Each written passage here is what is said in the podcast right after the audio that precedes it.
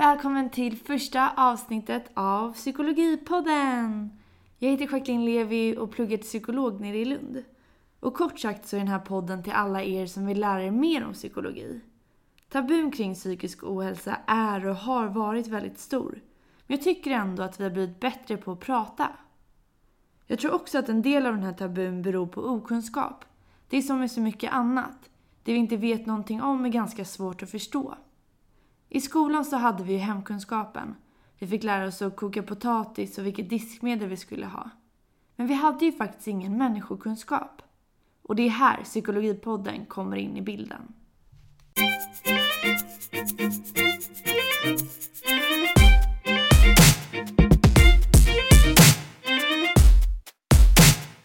Dagens avsnitt handlar om stress och till min hjälp har jag bjudit in gästen Rickard Levi. Lite senare i podden så använder jag ordet byråkrati. Och med byråkrati så menar man de regler och lagar som styr i en organisation.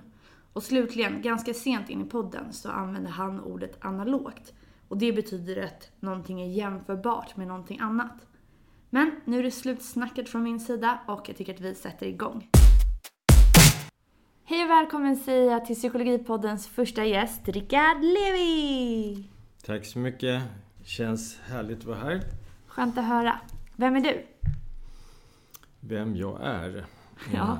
Det var en väldigt eh, stor fråga. Eh, Kan du spesa lite vad det är du eh, vill veta? Ja, så antingen så kör du ju det du gör, det är det man brukar svara när någon frågar vem man är. Eller så kör du kontaktannonsvarianten där man berättar lite mer av de posi- positiva sidorna av vem man är. Eh, Jag tror med tanke på målsättningen med den här podden så skulle jag föredra att prata lite om min professionella bakgrund. Naturligtvis är jag ju mer stolt över att vara din pappa än över att vara doktor. Men det har kanske mindre meritvärde just i det här sammanhanget att, att jag är din pappa. Jag är läkare och jag är specialiserad på nervsystemets sjukdomar och skador. Det kallas för neurologi. Och det, kopplingen till psykologi består ju i att utan hjärna så finns ingen psykologi. Nej. Man kan inte tänka utan hjärna, man kan inte känna utan hjärna. Man kan inte vara stressad utan hjärna. Nej, precis. För att du är ju här idag för att vi ska prata om stress. Ja, Och stress kände jag var ett relevant första ämne att ta upp här i podden. Dels för att eh, jag själv har varit väldigt stressad den här terminen. Och jag vet också att väldigt många runt omkring mig har upplevt stark stress. Så att ja, det kändes bra att börja med det på något sätt. stress är ett, ett mycket vanligt förekommande problem i samhället idag. Och jag gissar att det är så även bland de som är unga och ännu är friska och sådär. Mm. Traditionellt sett så har man ju skilt väldigt mycket på fysisk ohälsa och psykisk ohälsa. Och det var den andra anledningen till att jag bjöd in dig här idag. För att jag tycker att det är väldigt viktigt att prata om att den här synen på människan är väldigt förlegad. Det är ju förstås väldigt svårt för mig som neurolog att begripa eftersom utan hjärna så kan man vare sig tänka eller känna. Men det stämmer ju som du säger att vi som har jobbar inom kroppssjukvården då, det vill säga vi jobbar med det som är objektivt eller det som är mätbart från utsidan, tenderar att lämna det andra till, ja, till psykologer och kanske i viss mån till psykiatriker också. Men eh, jag har väldigt svårt att se hur man 2016 fortfarande på allvar kan prata om kropp och själ som två helt separata saker. Ja, får man till exempel ta dina patienter, du jobbar mycket med smärta. Mm. Om du då så att säga objektivt frågar, eller det är tänkt att vara objektivt, du Mm. frågar på en skala 1 till 10, hur ont gör det här? Och Mm. så svarar patienten kanske 8. Och så frågar du nästa patient, på en skala 1 till 10, hur ont gör det här? Och den personen säger också 8. Mm. Men du har ju ingen aning om om de åttorna egentligen motsvarar varandra. Utan då är ju det istället ett subjektivt mått. Alltså, det är någonting som personen själv upplever och värderar. Och du vet ju aldrig om den upplevelsen är likadan bara för att de säger samma siffra. Nej, nej det, det är ju alldeles riktigt. Och I själva verket är det ju så, om vi tar det exempel du gav med smärta, så är det ju så att eh, enligt den internationella definitionen för vad är smärta så betonar man att det är en subjektiv upplevelse. Att ingen annan människa utomstående kan komma och säga att nej, du har inte alls ont eller du har inte, i alla fall inte så ont som du påstår att du har. Det, det går inte, utan utgångspunkten är att smärta är ett obehag, en obehaglig upplevelse som oftast brukar förknippas med vävnadsskada, säger man, eller hotande vävnadsskada. Eller, och där kommer det, uttrycks i termer av en sån skada. Det behöver inte alls finnas ett smack av objektivt och du har full rätt att hävda din smärta ändå. Ja, och samma sak kan man ju tänka att det gäller för stress då. Samma sak gäller ju naturligtvis för stress. Och det ser vi idag att utmattning och det som jag tycker olyckligt ibland har kallats för utbrändhet drabbar ju då väldigt olika. Alltså det är ju inte så att man kan ha ett objektivt mått på hur mycket stress måste du vara utsatt för för att bli utbränd. Så funkar det inte. Nej precis, så man ser ju de som blir utmattade, det finns ju folk från alla olika yrkeskategorier. Mm. Kanske mest personer som är i människovårdande yrken dock. Eller där man har väldigt mycket människokontakt i alla fall. Men annars stämmer det ju. Precis, men någonting som jag har tänkt på lite de senaste veckorna. Speciellt då i sluttampen med skolan, man har mycket att göra. Eller samma sak kanske med jobbet inför sommaren, man kanske ska få gå på semester. Det är ju att det här med måste och borde, det har liksom överstigit det jag vill göra. Mm. Så att man uttrycker sig bara i termer, jag måste göra det här nu jag borde ju göra det här nu. Och sen så blir det väldigt lite rum kvar för det man vill göra.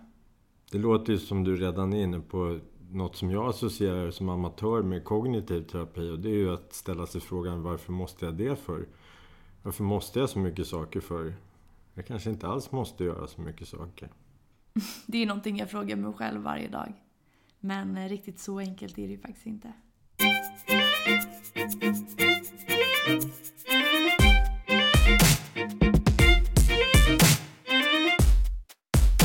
Så stress kan ju då vara någonting som är både då väldigt individuellt, alltså det som stressar dig kanske inte stressar mig.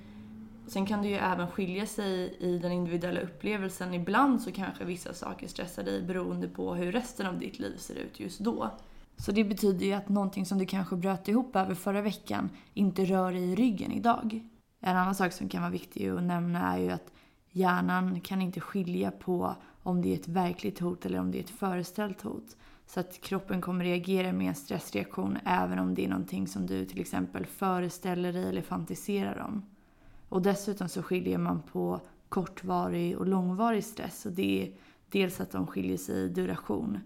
Och sen är det väl också så att de skiljer sig konsekvensmässigt. Konsekvenserna ur hälsosynpunkt är ju olika om det är korta perioder med stress eller om det är så att man lever med det i månader och år oavbrutet under hot eller på annat sätt. Men vad är det du vill diskutera mer specifikt när det gäller stress då?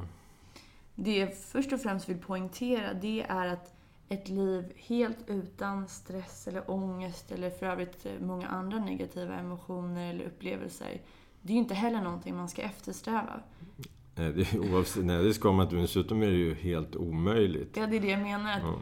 För att du inte ska uppleva någon stress eller ångest, då betyder det att du inte lever längre. Just det. Noll stress är lika med att organismen är död. Precis, om du tänker dig till exempel att du inte skulle kunna uppleva någon stress eller ångest på slag och du fortfarande levde då skulle du ju heller inte vara rädd för någonting. Alltså du skulle till exempel kunna ställa dig mitt i gatan för du skulle inte få något ångestpåslag och kunna reagera snabbt när en mm. bil kommer mot dig. Och, alltså man talar ju ofta som att stress och ångest är någonting dåligt och det är det inte alltid utan i viss dos så får det dig också göra väldigt många bra saker och dessutom så har det ju ett evolutionärt, alltså ett överlevnadsvärde för människan som art. Absolut. Eh, det är ju som man brukar säga ibland, eller jag tycker det är ett bra uttryck, man säger att bara de paranoida överlever. Och det är det hela evolutionen handlar om. Att om, om du är på savannen och så ser du en skugga som täcker dig plötsligt från himlen och du är konstruerad så att du tänker att det där är väl ett moln eller någonting och inte bryr dig. Om det då visar sig vara en flygande ödla eller någonting så är du död sen. Medan om du är, så att säga, har en hög ångestbenägenhet så kommer du att söka skydd direkt, reflexmässigt nästan. Och på så sätt så ökar överlevnadsmöjligheterna. Problemet är ju bara att den, de mekanismerna är ju konstruerade för ett liv på savannen och inte på ett liv i, i ett industrialiserat samhälle. Och det är också en del av problemet. Ja, så dels så kan jag tänka mig att väldigt många av lyssnarna kan känna igen sig i det här att man till exempel är ute och går i skogen och sen så flyger man till. Mm. Och får ett jättehögt kroppsligt påslag. Mm. Men sen så kollar man igen och ja, den där personen som gömde sig bland buskarna var ju egentligen ett barrträd. Ja, exakt. Men, men alltså det, det är den mismatch, det är den brist på överensstämmelse som finns mellan de hundratusentals år som vi har blivit som vi har blivit och de senaste några hundra åren som har ändrat allting. Men faktum kvarstår att jag tycker man kan jämföra lite med en bil. Va? Att om du innan du har satt nyckeln i tändningslåset eller tryckt på startknappen, är det kanske oftare nu en nyckel i tändningslåset. Då, då funkar ju inte bilen. Du kommer inte ur fläcken. Sen startar du bilen och då går den på tomgång som motsvarar ett slags basalt grundläggande stresspåslag. Och sen trampar du på gasen utan att lägga i en växel och då börjar det gå åt massa bensin och det blir slitage och motorn blir varm och du rör dig fortfarande inte ur fläcken. Vilket skulle kunna motsvara ett, ett kraftigt ångestpåslag som är helt meningslöst egentligen. Mm. Men sen lägger du i ettan och kör och, och bilen drar ju fortfarande mer bensin än när den står still förstås. Men att, att kalla det för ett skadligt tillstånd att det går åt bensin när man kör med sin bil, det är ju, det är ju lite konstigt också.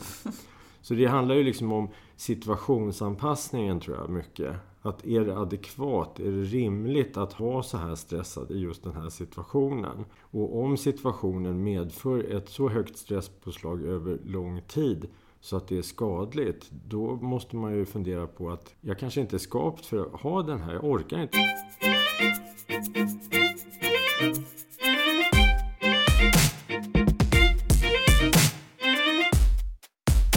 Det som har hänt nu de senaste, jag vet inte, 20-25 åren i och med att vi lever i ett industrialiserat samhälle med väldigt mycket teknologi, det är ju att de här gränserna som fanns förut, dels byråkratin inom arbetsplatserna eller i skolan, att det var väldigt tydligt vad man fick och inte fick göra. Mm. Det har ju försvunnit. Mm. Och dessutom så har tidsgränserna suddats ut. Så att om jag till exempel är på jobbet klockan åtta på kvällen och känner att nu är dagen verkligen slut. Men mitt kontor samarbetar med kontor på andra ställen i världen. Mm. Som ligger i en annan tidszon, vilket innebär att när min dag tekniskt sett bör ta slut, ja då börjar ju deras dag. Mm. Så att min dag har inte alls tagit slut, utan min dag kanske bara måste fortsätta då. Och arbetsplatser är ju bara ett exempel. Jag menar, titta på allt annat också. Det kan vara sociala medier, det kan vara bloggar, det kan vara spel, det kan vara i princip vad som helst. Precis. Det finns en sociolog som heter Manuel Castells och han pratade till och med om, apropå det du säger, så pratade han om timeless time och spaceless space. Han menade på att tack vare internet så har man liksom utplånat alla de tids och rumsgränser. Det är ju lite överdrivet för vi kan fortfarande inte befinna oss på 300 olika ställen samtidigt. Men vi kan hela tiden få stimulus, eller vi kan hela tiden få krav på vår närvaro dygnet runt, året runt det vi gör, eller det jag känner att jag gör, säkert många lyssnare också, det är att man gör en Åberg.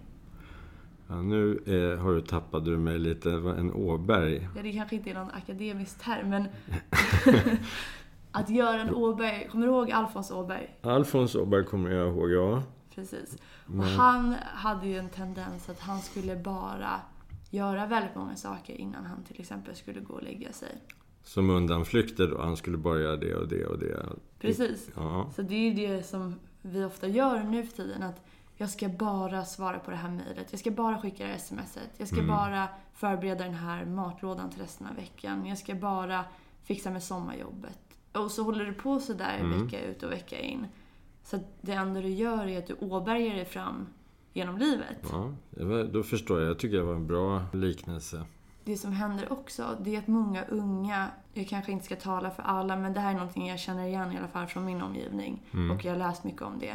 Det är att många saker istället för att vara upplevelse eller erfarenhet eller saker man vill göra. Det är väldigt svårt att veta vad man vill göra för att nu har ju också utbudet på vad man kan göra blivit extremt stort. Med internet så har någonting annat hänt också som människor så har vi ju som innebyggande tendens att jämföra oss med andra. Och förut så kunde du ju bara jämföra dig med din by eller din stad. Men nu kan du ta upp mobilen och du jämför dig med hela världen. Mm. Absolut. Det, det är problematiskt för du jämför, ju- om jag får komma med en association eller en kommentar kring det, så är det ju så att okej, du, du kan jämföra dig med hela världen, inom citationstecken hela världen, för det är ju inte riktigt alla. Men, men frågan är hur pass genuin är den jämförelsen då? Därför att det är det här begreppet med, med avatarer, att man liksom bygger upp en person som heter samma sak som man själv gör på nätet till exempel. Man, man fotograferar sin mat och sina, sin sminkade ansikte och alla fester man är på. Och så jämför sig alla med en värld som egentligen är väldigt selekterad jämfört med den genuina världen. Och det kan ju också skapa en stress, för det, det är en orättvis, en omöjlig egentligen jämförelse då. Jag vet att man vet ju det på något plan till exempel. För att om jag tänker på vad jag själv kan lägga upp eller så. Det är ju inte så att det inte har hänt. Men som du sa, det är en väldigt selekterad bit. Alltså det är en väldigt liten bit av hur verkligheten ser ut. Så att jag vet ju det när det kommer till mig själv. Att om jag kollar tillbaka på mina bilder. Att ja, det där var ju det som hände. Men så kan jag också sätta in det i kontexten som det hände. Ja, Men när jag kollar på andra så glömmer man liksom bort det. Även fast man vet om det så tänker man inte på att det är ju så att det är sant även för andra människor. Att så där ser inte hela verkligheten ut. Nej, det skapar ju, kan ju tänkas skapa en väldigt stor prestations, stora prestationskrav egentligen. Och jag tänker mig kanske att en sån här typ av podcast, eh, och det finns ju andra också som jobbar på liknande sätt, att man försöker komma bakom den där fasaden lite grann. Eh, Inte som en ersättning, men som ett komplement. Därför att de flesta människor vet ju av sin egen erfarenhet att livet inte bara är ett party liksom. Nej, det är det verkligen inte. Inte ens när man fyller 25. Ja, just idag är det kanske rätt berättigat att säga att det är ett party för din del, Jackie. Det är bra det. Men tillbaka till min utläggning. Om jag kollar på många unga människor runt omkring mig. Som sagt så har man väldigt mycket lättare för att redogöra för vad man inte vill göra. Men man har ganska svårt att veta vad man vill göra. Och jag tycker att allting blir lite som projekt. Alltså att man lägger upp sitt liv i någon slags projektplan. Att okej, först så ska jag gå ut högstadiet. Där kanske man inte har så mycket val, så det gör man. Och sen efter jag är klar med gymnasiet, då ska jag resa och så checkar man av det. När jag har rest länge, men inte för länge, då ska jag till exempel börja plugga på universitetet eller på någon annan skola eller börja jobba. Och så checkar man av det. Sen ska man fylla 25. Idag checkar jag av det till exempel. Mm. Och sen så när jag är runt 30, då kanske man ska få barn. Och sen så ska man vara en ung förälder, men inte för ung. För du ska även ha hunnit få någon slags karriär. Mm. Och du ska inte vara för gammal heller, för man vill inte vara en gammal förälder. Och så håller det på sådär. Så att den här projektplanen blir väldigt stressande för alla människor. Det betyder ju alltså att jag kommer lägga väldigt mycket tid på att stressa över saker som, som sagt, kanske aldrig kommer hända. Eller ja, antagligen aldrig kommer hända. Men eh, min kropp reagerar ändå på hjärnasignaler som att det faktiskt hände i nutid. Ja. Ja, Jag blev stressad bara av att du beskrev det på det här sättet, även om jag har passerat de flesta av de där milstolparna. Men ja, jag förstår att det kan vara väldigt stressande faktiskt. Men känner du igen det? Du är ju lite äldre än vad jag är, men... Ja, mycket äldre än vad du är. Men ja, det är klart jag känner igen det. Och sen så blir det ju så att man då, umgänget blir ju synkat med det. Så att till sist umgås man bara med andra människor som gör samma sak, som springer i samma ekorrhjul. Och då blir det ju liksom en ömsesidig förstärkning av det där beteendet. Så att till sist så, så är man så beroende av att alla andra gör samma, eh, kanske lite huvudlösa grejer.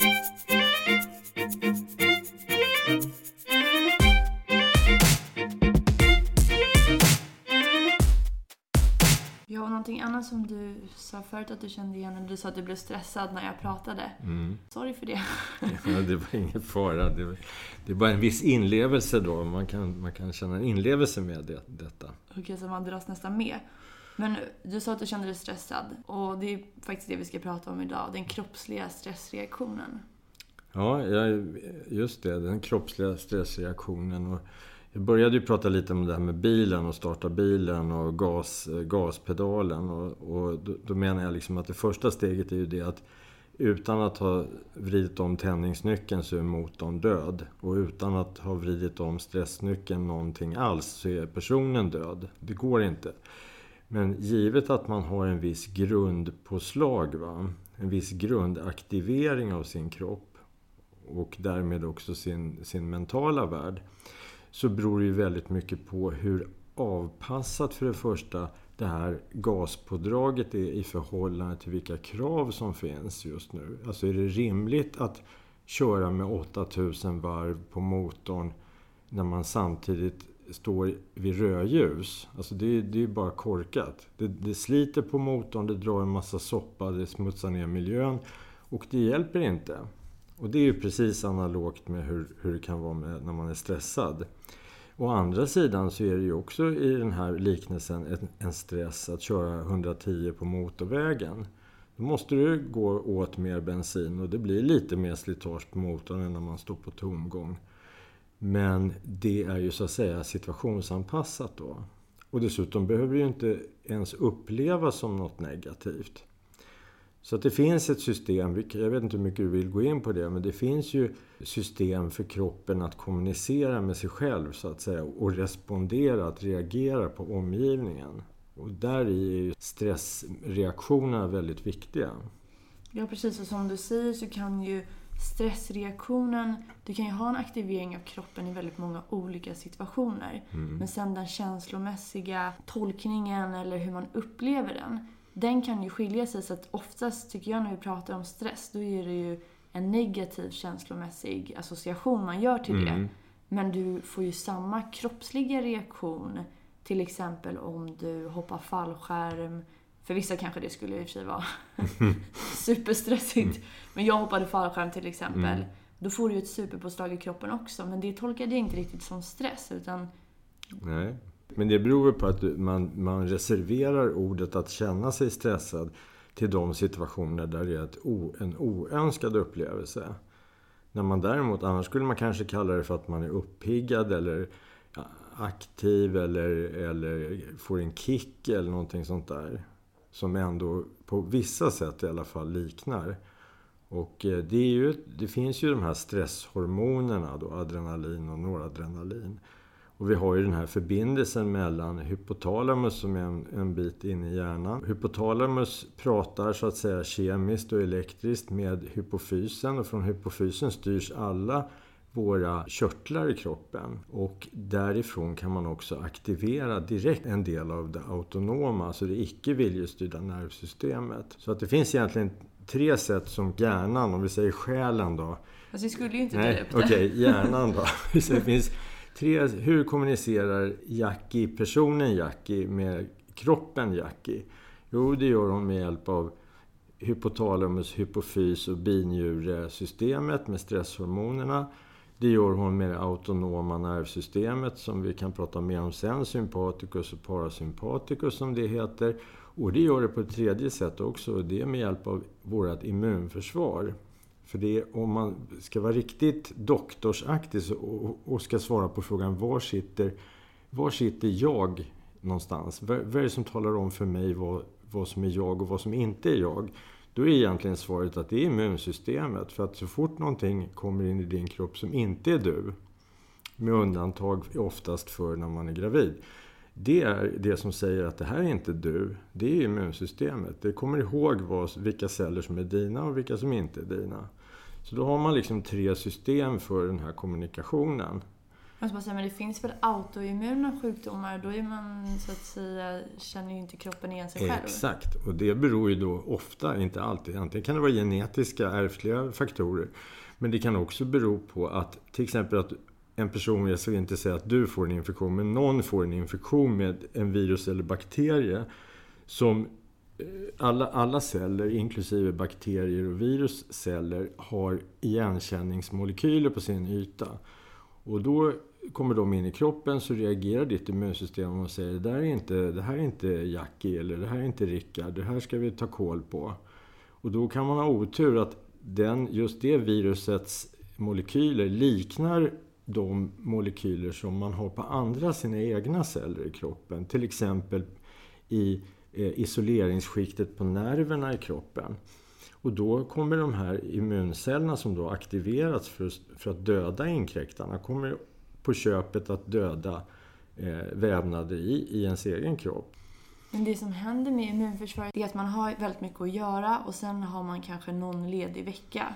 Mm. Den här veckan när man tänker, okej okay, men en vecka till, en vecka till och sen ska jag få göra alla de här sakerna jag väntar på att få göra.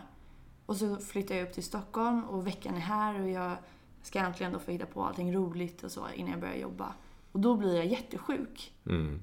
Och så ligger man sängbunden alla de dagarna som man liksom hade velat göra andra saker på. Mm.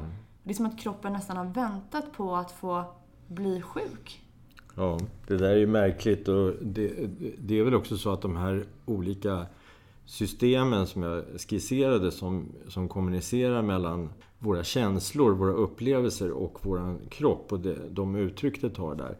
De, de här systemen jobbar ju inte helt oberoende av varandra. Så till exempel när du är i en period med hög stress, tentainläsning, då kommer till exempel din egen produktion av vissa hormoner, eh, kortisol till exempel som är ett steroidhormon, det ökar då och det i sin tur, det ämnet har den effekten att den dämpar framförallt symptom på infektioner till exempel. Så att så länge du är så stressad så, så bryter det inte ut så att säga. Det kanske finns där redan men det bryter inte ut.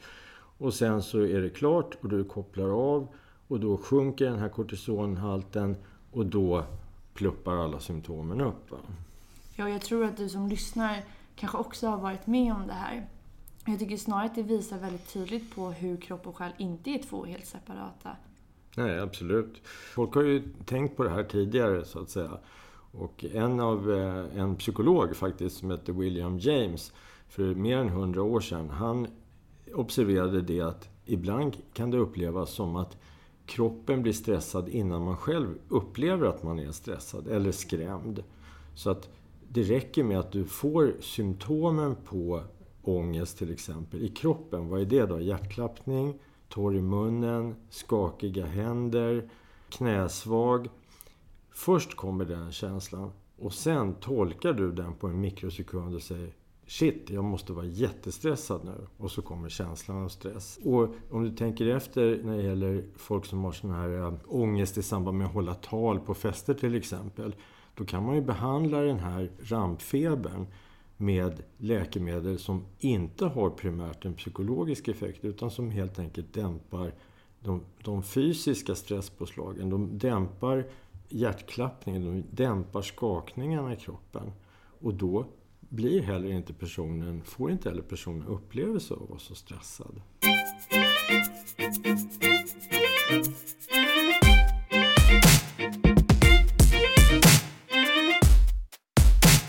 Enkelt sett så brukar man tala om egentligen tre olika system. Man pratar om fight, flight och även om freeze. Mm. De känns viktiga att gå igenom. Ja, då, då blir det en liten miniföreläsning här då i värsta fall. Men alltså autonoma nervsystemet är en del av nervsystemet som alla människor har. Och det som kännetecknar det systemet, enkelt uttryckt, är att det inte står under viljans kontroll. Utan det sköter sig autonomt. Autom kan du ge ett exempel? Automatiskt.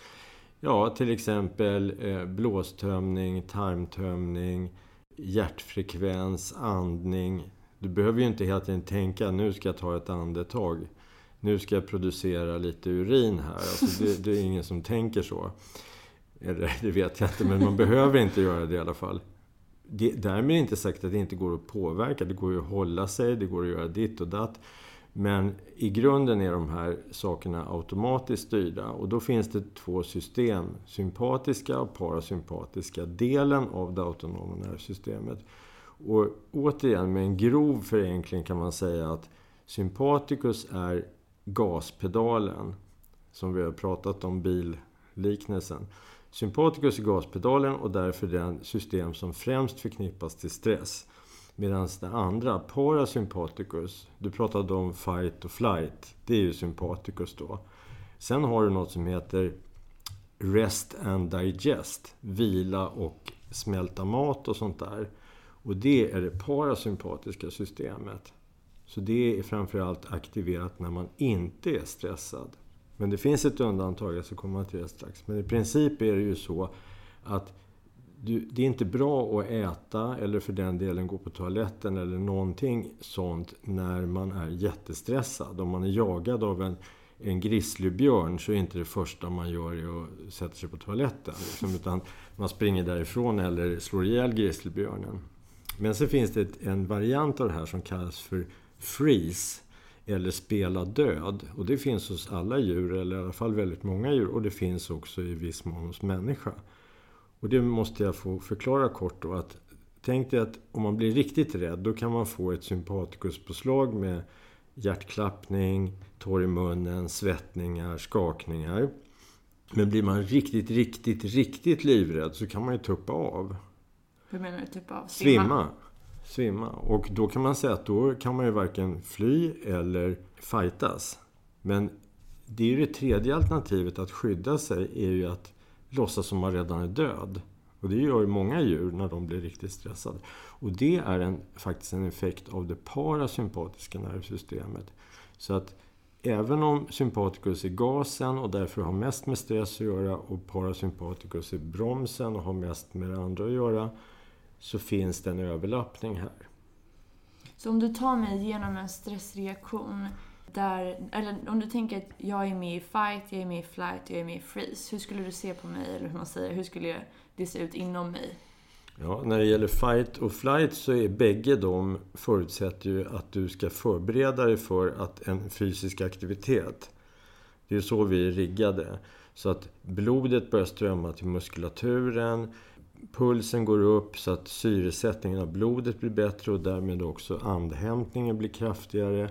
Pupillerna vidgas så att man ska kunna se bättre. Och man blir i ett tillstånd av arousal, alltså av en slags upphetsning eller extrem vakenhet så att säga. Och sen är det ju situationen som avgör om du möter någon i en mörk gränd så är det vissa andra faktorer din bedömning av, har jag en chans att försvara mig från den här personen?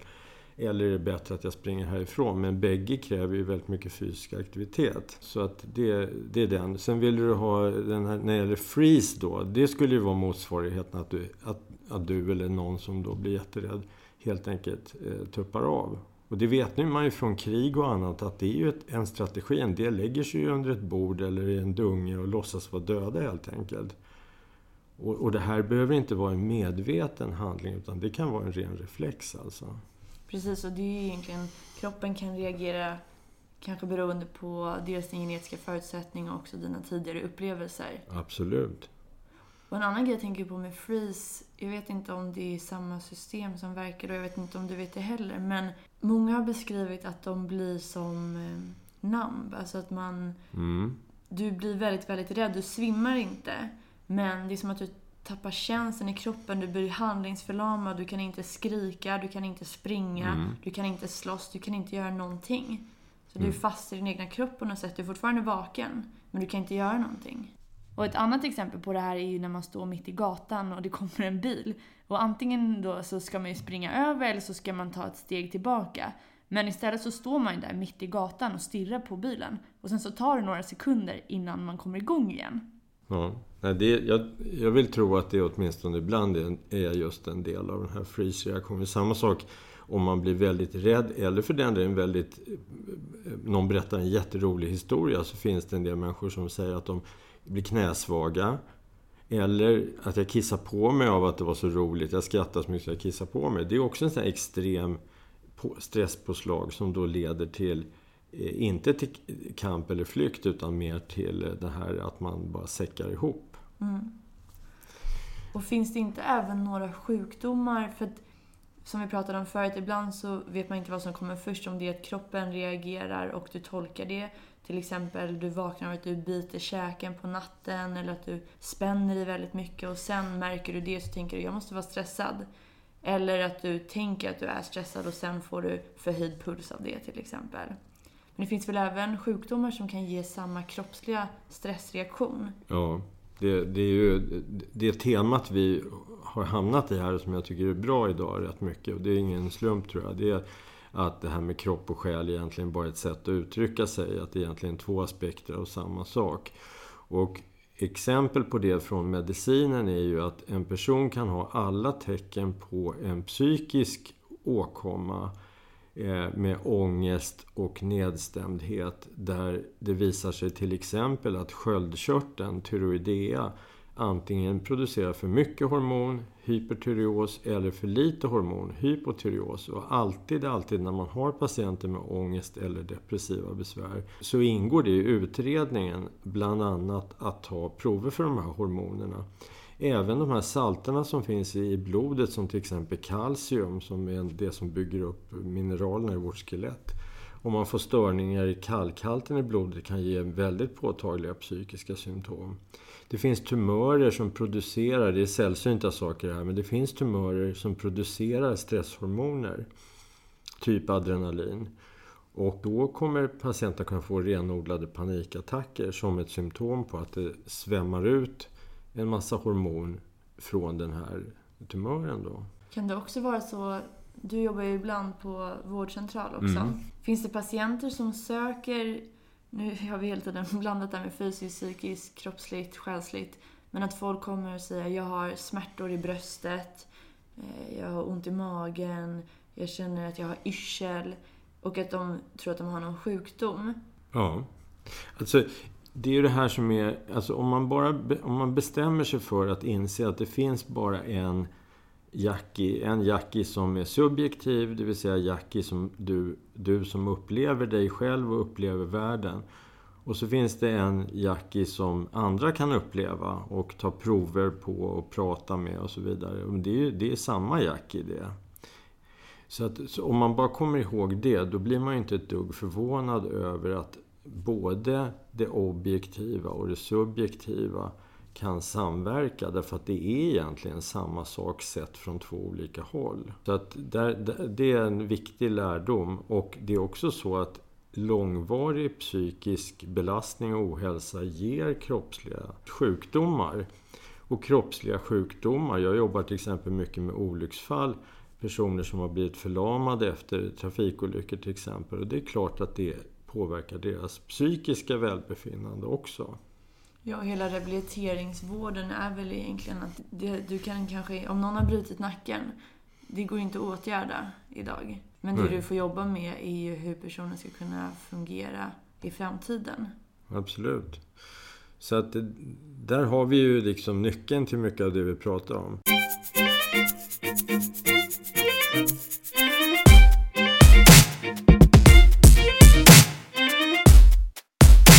Det som är viktigt att ta med sig för det första är att kroppen och hjärnan, eller man ska säga, eller hela enheten, Jackie Levi till exempel, reagerar utifrån den hjärna som har utvecklats för att ha ett evolutionärt, alltså överlevnadsvärde. Det innebär att vi mycket lättare reagerar på hot och vi får väldigt ofta stresspåslag, kortvariga och långvariga. Och det är bra i många fall. Därför att ett liv helt utan stress eller ångest eller rädsla, det skulle dels innebära att vi inte lever, för det är helt omöjligt. Och dessutom så är det ingenting att eftersträva heller. Därför att vi skulle inte överleva utan de reaktionerna. Mm. Och en annan grej som kort bör nämnas, för att väldigt ofta så pratar man om att man ska vara stressfri, man ska vara glad och man ska vara lycklig hela tiden. Och vi har pratat lite om hjärnans uppbyggnad och där bör också nämnas att hjärnan som sagt inte är uppbyggt primärt för att vi ska vara lyckliga och glada och inte upptäcka hot. Utan du sa en gång för flera år sedan någonting till mig som fastnade. Så det är ju bra att någonting fastnar. Ja, vad var det då? Det var att om du tänker sammanlagt alla de dagar som du har varit kanske stressad eller ledsen över någonting. Hur lång är den perioden? Det kan ju lyssnarna ställa sig också om ni tänker på sista gången ni var ledsna. Då kan i alla fall jag säga flera månader i sträck, absolut en månad i sträck, flera veckor, flera dagar, flera timmar. Jag menar, alla som någonsin har varit ledsna känner nog igen sig i det här. Mm. Och sen så frågade du, okej okay, om du tänker på när du verkligen har varit lycklig och glad, hur lång period har den känslan hållit i sig? Och då så tänkte jag efter så tänkte jag, hmm, min gladaste dag? Det var svårt att komma ihåg men jag kan ju få väldigt höga lyckohalter, eller vad man ska säga. Jag kan bli väldigt, väldigt glad. Men den känslan är ju väldigt flyktig. Mm. Det är ju någonting som man får men sen försvinner den. Alltså inte ens typ när man ska föda barn eller det har jag i och för sig inte gjort än så jag vet inte men antagligen inte när man ska föda barn eller gifter sig eller ja, vilken dag som helst som ska vara den lyckligaste dagen på ens liv eller ens födelsedag eller vad det nu kan vara. Inte ens de dagarna så är man ju lycklig konstant. Nej. Men jag tycker det är viktigt att ta med sig bara att man måste veta att vi är ju en produkt av, så att säga, evolutionen. Och det är därför vi kanske reagerar på vissa sätt. Men sen som du sa, som för oss in på nästa ämne, när det blir långvarigt och kroniskt, det är då det blir problematiskt för oss. Mm. Det är en väldigt viktig insikt tror jag, just det här med att vi är en produkt av evolutionen. Åtminstone de flesta människor tror ju det numera. Och vetenskapligt så tror nästan alla det. Och då är det så att, eh, som jag sa, bara de paranoida överlever. Det, det är inte de lyckliga som överlever. I allmänhet. Va? Man ska vara lycklig också, det är inte det men, vi menar. Nej, men, nej, nej, precis. Men sen finns det ju då en, en, en ytterligare en unik aspekt med människan. Eller vad vi tror är unikt. Det är ju att vi har en förmåga till självreflektion. Vi kan tänka på att vi tänker och vi kan tänka om vad vi tänker. Och där har vi en möjlighet att gå från det här reflexmässiga eller eh, rakt nedärvda, pessimistiska och paranoida till att faktiskt realitetsanpassa, göra att det här att vi sätter våra reaktioner i perspektivet av hur ser det faktiskt ut nu 2016. Så att vi har en massa möjligheter och det är väl därför det finns psykologer och psykoterapi och massor med självhjälpsböcker och sånt här. Så att det är inte kört, men alltså utgångsläget är att vi är riggade för att hellre vara rädda och ledsna och förbannade en gång för mycket än en gång för lite, så att säga. Precis, och den här reaktionen, eller reflektionen över reaktionen. Då brukar jag tänka på meta, någonting som är självrefererande. Alltså en känsla om en känsla, det skulle vara en metakänsla. Eller en metadiskussion skulle då vara en diskussion om en diskussion. Mm. Alltså till exempel så kan jag vara stressad. Och sen kan jag vara stressad över att jag är stressad för jag borde inte vara stressad. Mm. Och så där håller det på med ganska många känslor tycker jag ofta. Mm. Att, eller till exempel primära reaktioner kanske är rädsla för någonting. Och sen kanske det kommer en sekundär känsla på det. Så till exempel skam. Varför blir jag rädd? Jag borde inte vara rädd. Mm. Det hjälper oss ju ibland att realitetsanpassa oss. Alltså är det rimligt att jag tänker det här? Är det rimligt att jag känner så här? Men jag tycker också att den kan vara väldigt stress och ångestingivande i och med att du kan till exempel skämmas över någonting som du känner och då upplever du ångest av det istället. Men förlåt, nu är vi off topic igen. Det finns ju mycket roligt att prata om som jag vill få med. Mm. Men vi måste avgränsa oss. Så tillbaka till långvariga stressreaktioner. Ja, det, man har ju så småningom eh, under de senaste decennierna eh, Eh, haft möjlighet, bättre och bättre möjligheter att titta på de biokemiska och rent eh, kroppsliga eh, symptomen och manifestationen av långvarig stress. Det finns ju dels de som har tittat på sambandet mellan vilka krav man utsätts för och den grad av kontroll man har över den situationen. Och det är ju den här Teorell Karasex kravkontrollteori som jag tror du kommer att gå in på på någon annan podd. Men det handlar ju om liksom att att ju, ju mer man har att göra och ju större krav man har på sig och ju mindre möjlighet man har att påverka själv på något sätt, desto värre är det. Väldigt mycket av det här med utmattning handlar om att vid långvarig stress så får man också en ökning som jag har nämnt. Förutom de här vanliga gamla stresshormonerna som adrenalin och noradrenalin så är det också kortison. Och kortisonet har en hel del nedbrytande effekter på kroppen eh, över tid. Är man kroniskt stressad, ångestladdad så har man väldigt svårt att fungera bra och tänka klart. Man har svårt att minnas saker. Man har svårt att glädjas. Och det, allt det här blir slitage. Ungefär som du tänker att man hela tiden körde omkring med kopplingen halvt nedtryckt på bilen så att den, den rusar. Motorn rusar hela tiden och det liksom, vattnet kokar och oljan kokar och bensinen slurpar ner men du, du kommer ingen vart egentligen, mer eller mindre. Och det är den här, det är, det, man, det är därför man har myntat det här begreppet med utmattning och utbrändhet. Att det liksom har gått för långt då. Och det gäller ju att försöka stoppa det här innan man kommer till det stadiet. Och en, kanske viktigaste faktorn är ju att man behöver vilopauser. Man, man kan inte köra in i väggen liksom, utan det måste finnas tid för återhämtning. Så att apropå Alfons Åberg då, att han ska bara, så kanske vi på något sätt borde säga att vi, kanske, att vi bara måste vila lite också mm. emellanåt. Innan vi gör alla de här andra grejerna.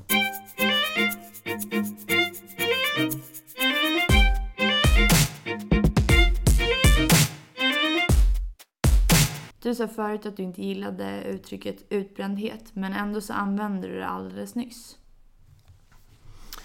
Ja, det var, det var väl mest därför att det har använts väldigt mycket. Det var egentligen det begreppet som först kom att användas och som sen har blivit omodernt. Varför jag inte gillar och, och jag håller med om att, att det finns bättre benämningar och mer korrekta benämningar. Det är ju därför att om man ska ta den här eh, metaforen, den här bilden av att något är utbränt ett hus eller en eh, bil eller vad som helst, eller en människa, då eh, har man väldigt svårt att se att man ska kunna återhämta sig från det här. Det, det känns som att det är ett irreversibelt, oåterkalleligt tillstånd, så att säga. Och det är inte på det sättet.